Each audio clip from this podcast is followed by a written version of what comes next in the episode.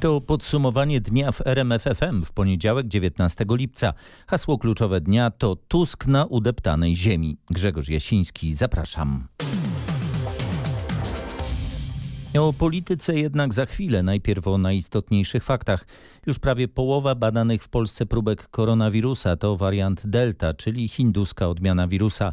W ostatnim raporcie covidowym Ministerstwo Zdrowia poinformowało o 67 nowych zakażeniach. Nikt nie zmarł na COVID-19. Mimo to te dane są niepokojące, a minister zdrowia mówi o końcu okresu stabilizacji. O tym, co wskazuje na zbliżające się ponowne natarcie koronawirusa, Mariusz Piekarski. Dwa wskaźniki. Po pierwsze, tydzień do tygodnia mamy pierwszy od dawna wzrost liczby zakażeń o 13%. Na razie to jeszcze niezauważalne liczby, ale biorąc pod uwagę drugi ważny wskaźnik reprodukcji wirusa, który znowu jest wyższy niż jeden, należy spodziewać się kolejnych wzrostów. Zdecydowanie widzimy, że czas stabilizacji raczej dobiega końca i zaczynamy obserwować delikatny trend wzrostowy. A do tego już niebawem i u nas dominujący będzie wariant delta koronawirusa, przyznaje rzecznik Ministerstwa Zdrowia. Wariant delta to obecnie 46% próbek, które są sekwencjonowane. To tak naprawdę w najbliższych dniach pewnie przekroczymy próg 50%. Więc widzimy, że ta delta się dość szybko rozwija i upowszechnia. A to, czy czwarta fala pandemii rozwinie się do poziomu kilku czy 30 tysięcy zakażeń dziennie, zależy od tego, ile osób jeszcze się zaszczepi. Na razie mamy ostre hamowanie programu szczepień. W szpitalach pozostają 342 chore na COVID-19 osoby. Europejskie wakacje tylko z unijnym certyfikatem covidowym albo negatywnym wynikiem testu na koronawirusa. Takie zasady obowiązują w większości europejskich krajów. Mapę pod kątem najbardziej aktualnych obostrzeń przejrzał Michał Dobrołowicz. Zaczynamy od Hiszpanii. Tam silnie rośnie liczba zakażeń wariantem Delta COVID-19. I przez to w dwóch regionach, Katalonii i Walencji, codziennie o wpół do pierwszej w nocy rozpoczyna się godzina policyjna. Do tej godziny muszą skończyć się wszystkie imprezy i koncerty. Zasady wjazdu do Hiszpanii nie zmieniają się. Mogą tam teraz przyjechać ozdrowieńcy, osoby z negatywnym wynikiem testu oraz zaszczepieni przeciw koronawirusowi. Oni także na wakacjach za granicą powinni być bardzo ostrożni, podkreśla pulmonolog dr Joanna Lange. Szczepienie służy temu, żeby mimo wszystko dać jakiś komfort, ale na pewno tam, gdzie zderzamy się z ludźmi, których statusu nie znamy, chronić się chociażby przed założeniem maseczki i dezynfekowaniem rąk. Podobne zasady dotyczące wjazdu są aktualne m.in. w popularnych wakacyjnie Chorwacji i Grecji. Do lokali gastronomicznych mogą wchodzić teraz tylko osoby zaszczepione przeciw koronawirusowi. Pozostali mogą korzystać z tych miejsc, ale tylko na zewnątrz, w ogródkach restauracyjnych. Od dziś wjeżdżających na teren Słowacji obowiązują nowe przepisy związane z pandemią koronawirusa. Poprzednie rozporządzenie obowiązywało zaledwie 10 dni, ponieważ zostało uchylone przez tamtejszy sąd konstytucyjny. Co zmienia się dla wjeżdżających do naszych południowych sąsiadów? Właściwie niewiele. Nadal zostały utrzymane kontrole na granicach, a wszyscy wjeżdżający na teren Słowacji muszą liczyć się z 14-dniową kwarantanną, którą można skrócić dopiero po piątym dniu, przedstawiając negatywny wynik testu PCR na koronawirusa. Zwolnione z kwarantanny są dzieci do 12 roku życia i osoby zaszczepione. Zmiana nastąpiła jednak w definicji osoby zaszczepionej. Wcześniej za taką uznawano także tych, którzy przyjęli tylko pierwszą dawkę dwudawkowej szczepionki przeciwko COVID-19. Teraz trzeba być co najmniej 14 dni po drugiej dawce preparatu dwudawkowych lub 21 dni po przyjęciu jednodawkowej szczepionki. Informuje nasz reporter Maciej Pałachicki. Od dziś po raz pierwszy od 480 dni na terenie Anglii nie obowiązują rządowe obostrzenia dotyczące pandemii koronawirusa. Gdzie niegdzie pozostały tylko lokalne, jak obowiązek noszenia maseczek w londyńskim metrze i autobusach. Ale eksperci ostrzegają, jeszcze tego lata na wyspach możemy odnotować nawet 200 tysięcy zakażeń dziennie. To oczywiście będzie powodować wzrost liczby przyjęć do szpitali, ale proporcjonalny związek między liczbą infekcji a zgonami został przerwany. Ta najsmutniejsza dobowa statystyka średnio kształtuje się na poziomie 40 osób.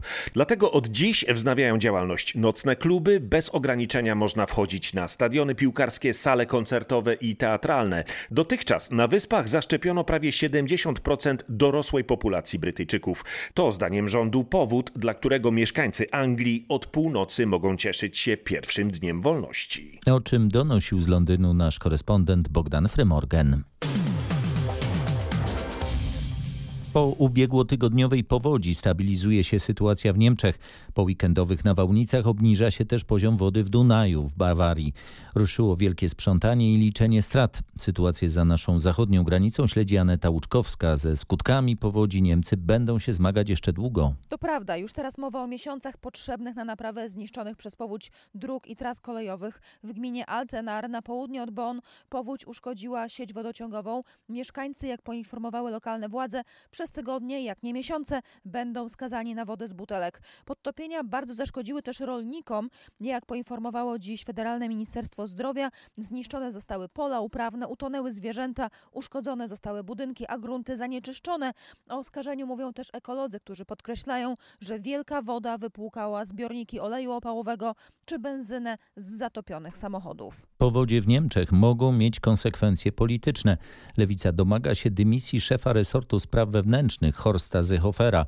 Oskarża go o złe funkcjonowanie niemieckiego systemu ostrzegania. Lewica twierdzi, że synoptycy ostrzegali przed wyjątkowo silnymi opadami deszczu, które mogły doprowadzić do podtopień, ale te prognozy miały być potraktowane mało poważnie. Były gminy, gdzie nie włączono syren alarmowych. Wiele osób zginęło zaskoczonych przez falę powodziową.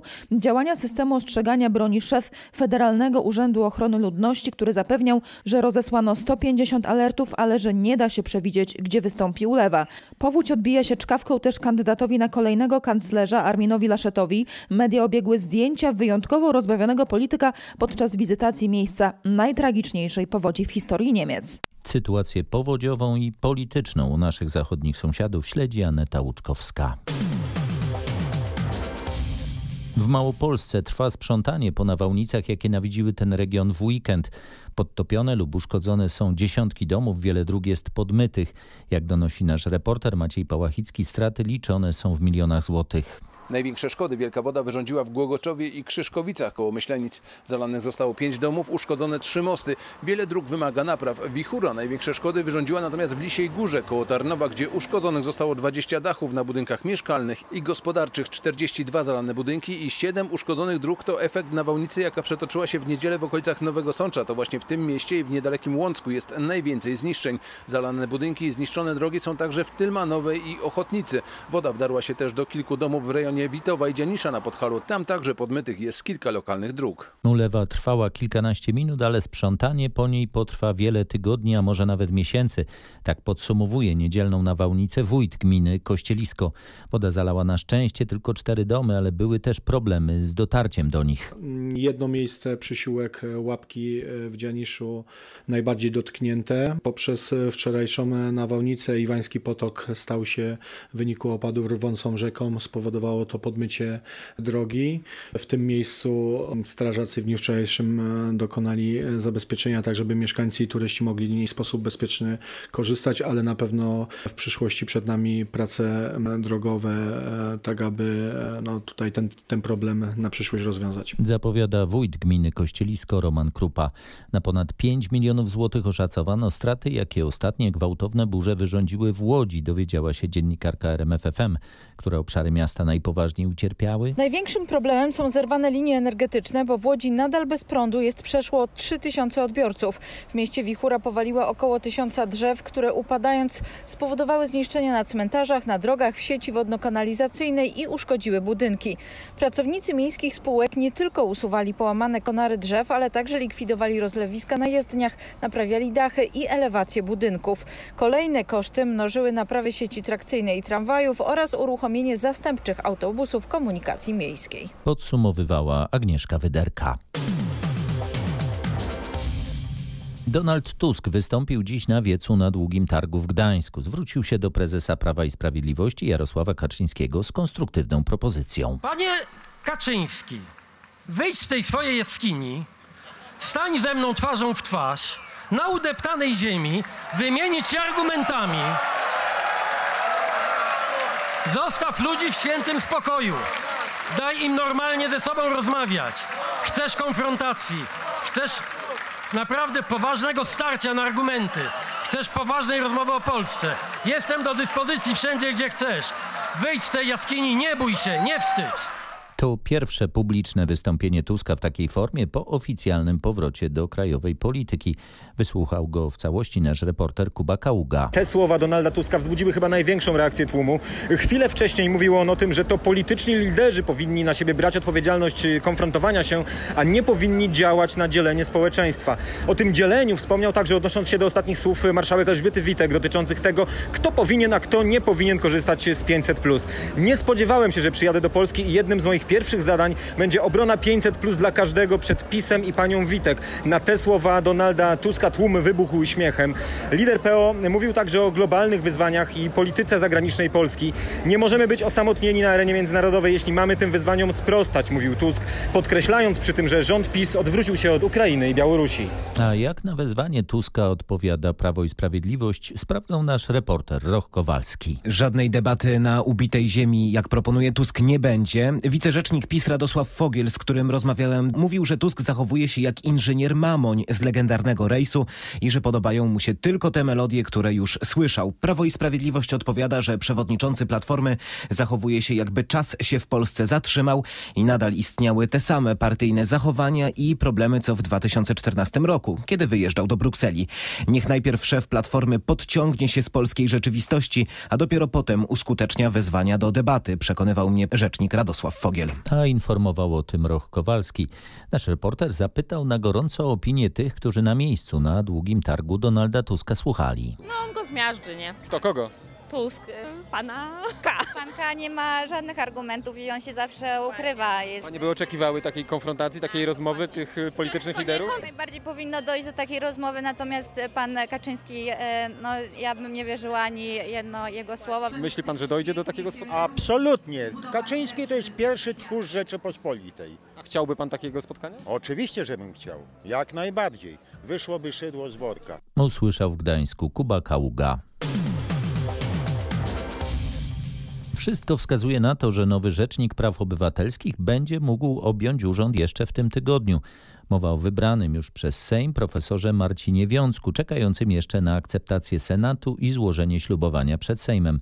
Jak ustalił nasz dziennikarz, szóstą już procedurę wyboru nowego rzecznika będzie można zamknąć do piątku. Jak to się odbędzie? Dzięki jednoczesnym obradom Sejmu i Senatu, które zaczynają się w środę, a kończą w piątek. Wyrażeniem zgody na powołanie na RPO profesora Wiązka Senat zajmie się na samym początku swojego posiedzenia o 11 w środę. Natychmiast po debacie ma też być przeprowadzone głosowanie, co oznacza, że dzięki poparciu i PiS i senackiej większości pozytywna dla kandydata decyzja zapadnie już kilka godzin później po południu. I jeszcze w środę profesor Wiązek będzie gotów do złożenia ślubowania przed Sejmem, który na jego przyjęcie będzie miał kolejne dwa dni obrad. Gdyby taka sytuacja była możliwa, to, to nie widzę przeszkód. Mówi o przyjęciu ślubowania przez Sejm w czwartek lub piątek jego wicemarszałek Ryszard Terlecki. Wakat na opróżnionym w ubiegłym tygodniu stanowisku RPO nie potrwałby dzięki temu dłużej niż 7 dni. Przewiduje Tomasz Skory. Koalicja Obywatelska postuluje głębokie zmiany w nowelizacji kodeksu postępowania administracyjnego, nad którą pracuje Senat. Platforma nie ma jednak poparcia pozostałych sojuszników Lewicy i PSL-u. Obu formacjom w sprawie ustawy, która innymi po części rozwiązuje problemy związane z reprywatyzacją bliżej do stanowiska Prawa i Sprawiedliwości. Czy te różnice wpływają na stabilność senackiego sojuszu? Tworzące koalicję ugrupowania twierdzą, że nie, ale to nie jedyna sprawa, w której dochodzi do różnicy zdań. Podobnie jest innymi z wyborem prezesa IPN-u. Lewica nie chce zmian w noweli, bo opowiada się za jak najszybszym rozwiązaniem problemu reprywatyzacji. Ludowcy widzą potrzebę wprowadzenia poprawek, ale nie tak szerokich, jak proponuje Koalicja Obywatelska. Platforma pozostaje więc w tej sprawie sama i na razie bez nadziei na przeforsowanie własnych pomysłów. No jeżeli wyjdzie bez poprawek, no to trudno, no, no nie, nie rozpłaczę się z tego powodu, choć uważam, y, że tak być nie powinno. Komentował współautor poprawek senator Marek Borowski. Próbę wypracowania wspólnego stanowiska senaccy liderzy mają podjąć jutro po południu, ale bez większych szans na sukces. Zapowiadał Roch Kowalski. Być może Włodzimierz Czarzasty musi się zastanowić, czy dalej powinien być w lewicy, mówił w rozmowie w samopołudnie w RMFFM Tomasz Trela. To jeden z posłów zawieszonych przez Czarzastego tuż przed sobotnim posiedzeniem zarządu partii wskutek konfliktu o przywództwo na lewicy. Tłem konfliktu jest m.in. poparcie Czarzastego dla Krajowego Planu Odbudowy PiS. Powinien trochę ochłonąć, powinien trochę się nad tym zastanowić, powinien wyjść do koleżanek i kolegów, publicznie za to przeprosić, powinien cofnąć te e, swoje paradecyzje, które e, podjął. I A powinien ustąpić z funkcji?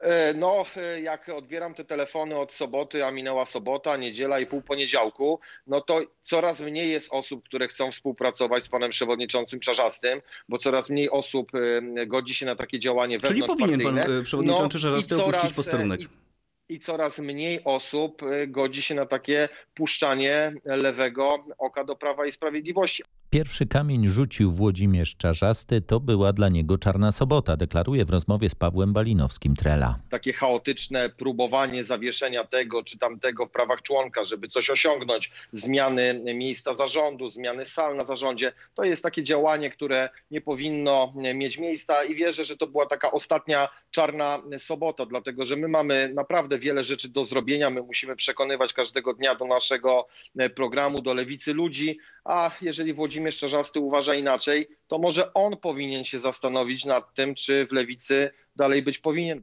Jestem człowiekiem lewicy, do żadnej platformy się nie zapisuję, deklaruje Trela. Czarzasty sugerował, że grupa dziewięciu zawieszonych buntowników chce, by lewica startowała z list PO. Jeżeli ktokolwiek by mnie dzisiaj próbował nakłonić do tego, żebym ja się gdzieś zapisywał, żebym ja był jakąś frakcją tej czy innej partii, to ja powiem nie, dlatego że moją partią była, jest i będzie lewica. Bo ja do lewicy, do Sojuszu Lewicy Demokratycznej zapisałem się 22 lata temu. Ja w tej partii dalej będę. Natomiast ja chcę bardzo jednoznacznie i moje koleżanki i koledzy nakreślić kierunek działania tej partii. Cała rozmowa jest na rmf24.pl. Siedem osób utonęło w ostatni weekend w Bałtyku. To najwięcej od początku tych wakacji. Ofiary weszły do wody mimo niesprzyjających warunków i czerwonych flag na wieżach ratowników, mówi naszej reporterce Anecie Łuczkowskiej Apoloniusz Kurylczyk z zachodniopomorskiego WOPR-u. Dlaczego te osoby się znalazły w wodzie?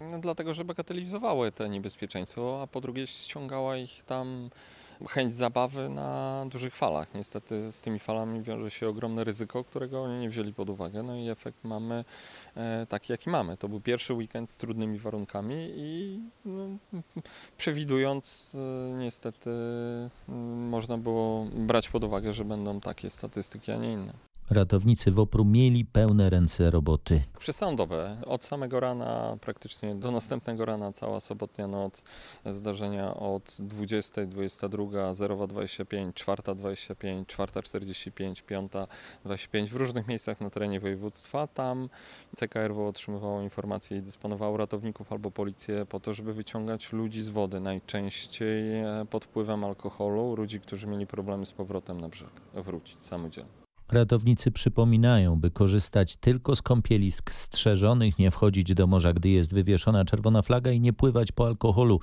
Od początku czerwca w całym kraju życie nad wodą straciło 120 osób. Mamy 14 różnych powodów, przez które wywieszamy czerwone flagi na kąpieliskach. Prąd wsteczny i fala przybojowa to najbardziej niebezpieczne z nich, mówi RMFFM Rafał Sroka, ratownik WOPR, koordynator kąpieliska w Sopocie. W miniony weekend nad Bałtykiem czerwone flagi pojawiły się właśnie między innymi ze względu na silny tak zwany prąd wsteczny. To nie jest tylko nasze widzimisię ratowników, że my to robimy, żeby utrudnić życie plażowiczom. Niektórzy mogą tak pomyśleć, bo widzą piękną pogodę, gorąco. Dokładnie tak. Najczęściej ta fala nam się będzie tworzyć tutaj przy odpowiednim wietrze, czyli wiatr północno-wschodni, północny. No i my z doświadczenia wiemy, tak, jakie warunki występują. Jesteśmy niejednokrotnie świadkami, że ludzie nie chcą się podporządkowywać, więc dlatego korzystają z miejsc nieszczerzonych. W miejscach nieszczerzonych nie są poddani jakiejś kontroli, ale też muszą mieć to na uwadze, że nie będzie dostatecznej pomocy. Jeżeli dojdzie do zdarzenia tonięcia, to ratownik nie zdąży dobiec, pomóc. Słuchajcie polecenie ratowników, apeluje Rafał Sroka, ratownik WOPR, z którym rozmawiał nasz reporter Kuba Kaługa. A skoro niestety o alkoholu mowa, czterech nietrzeźwych sterników zatrzymali w miniony weekend warmińsko-mazurscy policjanci. Rekordzistami byli dwaj kompletnie pijani mężczyźni, którzy pływali po jeziorze Ukiel w Olsztynie. Mężczyźni zmieniali się za sterem i na zmianę wskakiwali z łodzi do wody, pozostawiając w pewnym momencie łódkę dryfującą bez nadzoru. Badanie alkomatem wykazało obecność dwóch promili alkoholu w organizmie, 28-latka i 33-latka. Mówił aspirant Rafał Jackowski z Komendy Wojewódzkiej Policji w Olsztynie. Sternikom za pływanie pod wpływem alkoholu grożą dwa lata więzienia. Wczoraj wieczorem policjant z Grodziska Mazowieckiego pomógł wydostać matkę z dwójką dzieci z płonącego samochodu. Auto zapaliło się na drodze ekspresowej S8 przed węzłem Czerniewice w powiecie tomaszowskim Łódzkiem. Kierowca, który wiózł rodzinę, zauważył dym, zatrzymał się na poboczu i wtedy z pomocą przyszedł mu policjant. Razem pomogli kobiecie i dwójce dzieci szybko wysiąść z płonącego samochodu. Mężczyźni próbowali ugasić pożar w komorze silnika, ale ogień był na tyle duży i tak szybko się rozprzestrzeniał, że nie dało się tego zrobić nawet kilkoma gaśnicami. Do przyjazdu strażaków policjant i kierowca zabezpieczali teren wokół auta, bo pojazd z instalacją gazową mógł wybuchnąć. Po wszystkim policjant swoim samochodem zawiózł wystraszone maluchy i ich mamę do rodziny. Relacjonowała Agnieszka Wyderka. Jest wyrok 6,5 roku więzienia dla Mateusza H., oskarżonego o wysadzenie w powietrze bloku budowanego na nowym osiedlu w Bielsku Białej. Do eksplozji doszło 3 lata temu. Nikt nie został ranny. Straty oszacowano na 1 200 tysięcy złotych. Mateusz H. został uznany przez sąd za winnego także innych przestępstw. Tak, chodzi m.in. o usiłowanie doprowadzenia do zawalenia kolejnych dwóch budynków. Wcześniej Mateusz H. według sądu spalił także dwie koparki na budowie. Na liście przestępstw są też m.in. groźby karalne i wyłudzenia świadczeń socjalnych. Do wybuchu na budowanym osiedlu w Bielsko-Białej doszło w lipcu 2018 roku. Zdaniem śledczych sprawca podłożył w budynku przerobione butle z gazem propan-butan. Po eksplozji do mediów trafił list manifest, w którym autor pod pseudonimem Pocahontas oskarżał dewelopera o niszczenie przyrody i pod groźbą kolejnych ataków żądał wstrzymania robót. W lutym 2019 roku w tej sprawie został zatrzymany Mateusz H. Nie przyznał się do najpoważniejszych zarzutów. Wyrok nie jest prawomocny. Informuje Anna Kropaczek. Scotland Yard opublikował zdjęcia dziesięciu mężczyzn poszukiwanych w związku z bójkami, jakie wybuchły na Wembley podczas niedawnego finału Euro. Londyńska policja ma nadzieję namierzyć wszystkich kiboli, którzy brali w nich udział. Nie będzie to łatwe, choć policja dysponuje wieloma nagraniami z kamer zainstalowanych na Wembley. Śledczym pomagają także filmy, jakie trafiły do sieci po próbie sforsowania stadionu przez angielskich kiboli. 50 osób aresztowano wówczas na miejscu, rannych zostało 29 policjantów. Osobne wewnętrzne dochodzenie w tej sprawie prowadzi angielski Związek Piłki Nożnej, który bada skuteczność zabezpieczeń podczas finału Euro. Także UEFA postawiła organizatorom meczu formalne zarzuty. Dotyczą one kibiców wybiegających na boisko, rzucania z trybun przedmiotami w kierunku piłkarzy i gwizdów podczas odtwarzania narodowego hymnu Włoch. Donosi nasz londyński korespondent Bogdan Frymorgan. W Stanach Zjednoczonych wszystko drożeje. Praktycznie każdy aspekt życia kosztuje coraz więcej. O tym, jak to w praktyce wygląda, nasz waszyngtoński korespondent Paweł Żuchowski. Na przykład jeszcze kilka tygodni temu swój samochód do pełna tankowałem za jakieś 50 dolarów, a teraz to już jest nawet ponad 60 dolarów. Ziarna zbóż podrożały o 94%, wołowina 41%, tłuszcz i olej do smażenia o 35%. To wszystko w ciągu roku. Indeks cen konsumpcyjnych, główny wskaźnik inflacji w USA, odnotował w czerwcu największy miesięczny skok od 13 lat. Ceny wzrosły w ciągu ostatniego roku o ponad 5%, co jest również największym skokiem od 13 lat. Ceny samochodów używanych mocno wzrosły o ponad 40 5% w ciągu ostatniego roku. W samym czerwcu o ponad 10%. Po tych spadkach w pandemii teraz ceny szybują. Dzieje się tak z różnych powodów, no ale to sprowadza się do dwóch czynników. Wysokiego popytu i ograniczonej podaży właśnie po pandemii, a także tego, że właściciele różnych firm chcą odrobić straty z zeszłego roku. O amerykańskiej drożyźnie Paweł Żuchowski. Każda z nas pokazuje się z tej najlepszej strony dopiero na imprezie docelowej.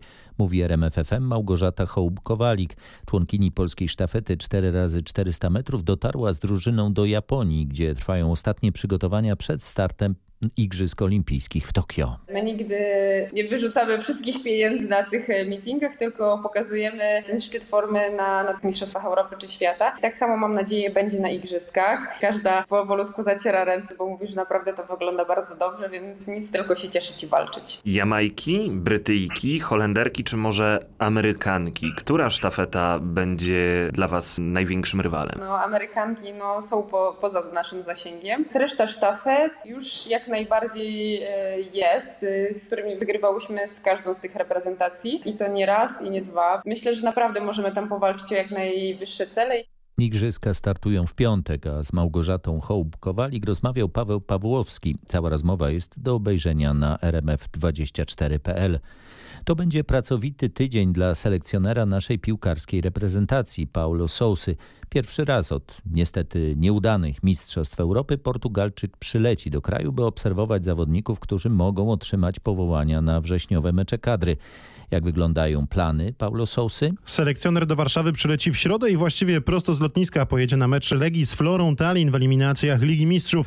Będzie się chciał na pewno przyglądać występowi Bartosza Kapustki i Bartosza Slisza, którzy byli już w kręgu zainteresowań selekcjonera. W czwartek Portugalczyk będzie w Szczecinie na meczu kwalifikacji Ligi Konferencji pomiędzy Pogonią a chorwackim Osijekiem. Selekcjoner będzie się tutaj przyglądał postawie Sebastiana Kowalczyka i Kacpra Kozłowskiego. Souza odwiedzi również zgrupowanie Talent Pro w Opalenicy, na którym są młodzi i utalentowani zawodnicy. Zawita również na stadiony Ekstraklasy. W planach ma wizytę na meczu Lecha z Radomiakiem w pierwszej kolejce sezonu. Wyliczał Wojciech Marczyk z redakcji sportowej RMFFM.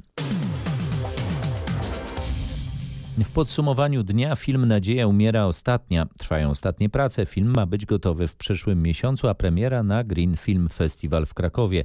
Reżyserem jest mieszkający w Warszawie Amerykanin Jonathan L. Ramsey, twórca głośnego proekologicznego dokumentu Można panikować.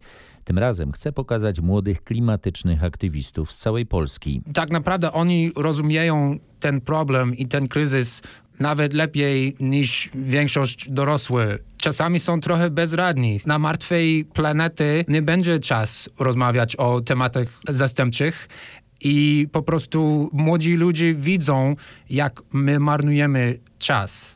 I musimy coś z tym zrobić bardzo szybko. Rozmowa Katarzyny Sobiechowskiej-Szuchty z reżyserem jest na rmf24.pl. Książki do pożyczenia w zakładzie fryzjerskim, warzywniaku i lodziarni. Na tym polega wakacyjna akcja, która trwa w Warszawie. Jej organizatorzy chcą, by przypadkowe spotkania z książkami były wstępem do czytelniczej pasji. Przychodzę do Państwa i między malinami, morelami, truskawkami chciałbym wypożyczyć książkę. Co mam zrobić? Po prostu Pan musi powiedzieć, że chce przeczytać książkę. My Panu dajemy, Pan czyta i później oddaje do nas. Jakie książki są teraz do wyboru? Jest e, Najlepsze miasto świata, Dzika rzecz, e, polska muzyka i transformacja. Możesz sobie usiąść na leżaku i przeczytać e, książkę oraz zjeść loda na przykład. Jakie lody najczęściej zamawiają do książki? Do książki jak najbardziej to tak dwa smaki. To mascarpone z malinami, czekolada, jakże sorbeta to limonka z miętą. Jak to mówią, smacznej lektury. Sklep z owocami i lodziarnie przy ulicy Kazimierzowskiej na warszawskim Mokotowie, które biorą udział w akcji, odwiedził nasz reporter Michał Dobrołowicz. Akcja potrwa do końca sierpnia. Na koniec podsumowania dnia przestrzegamy kierowców. Jutro od 8 rano blokada drogi krajowej 1291 i ekspresowej S8. Około 150 rolników na traktorach ma zablokować rondo w Srocku w powiecie piotrkowskim Włódzkiem. Musimy spodziewać się tam korków. Jak ominąć to miejsce? Najlepiej wybierzcie inną trasę, czyli jedźcie budowaną autostradą A1, jeśli chcecie podróżować z Łodzi w kierunku Piotrkowa Trybunalskiego.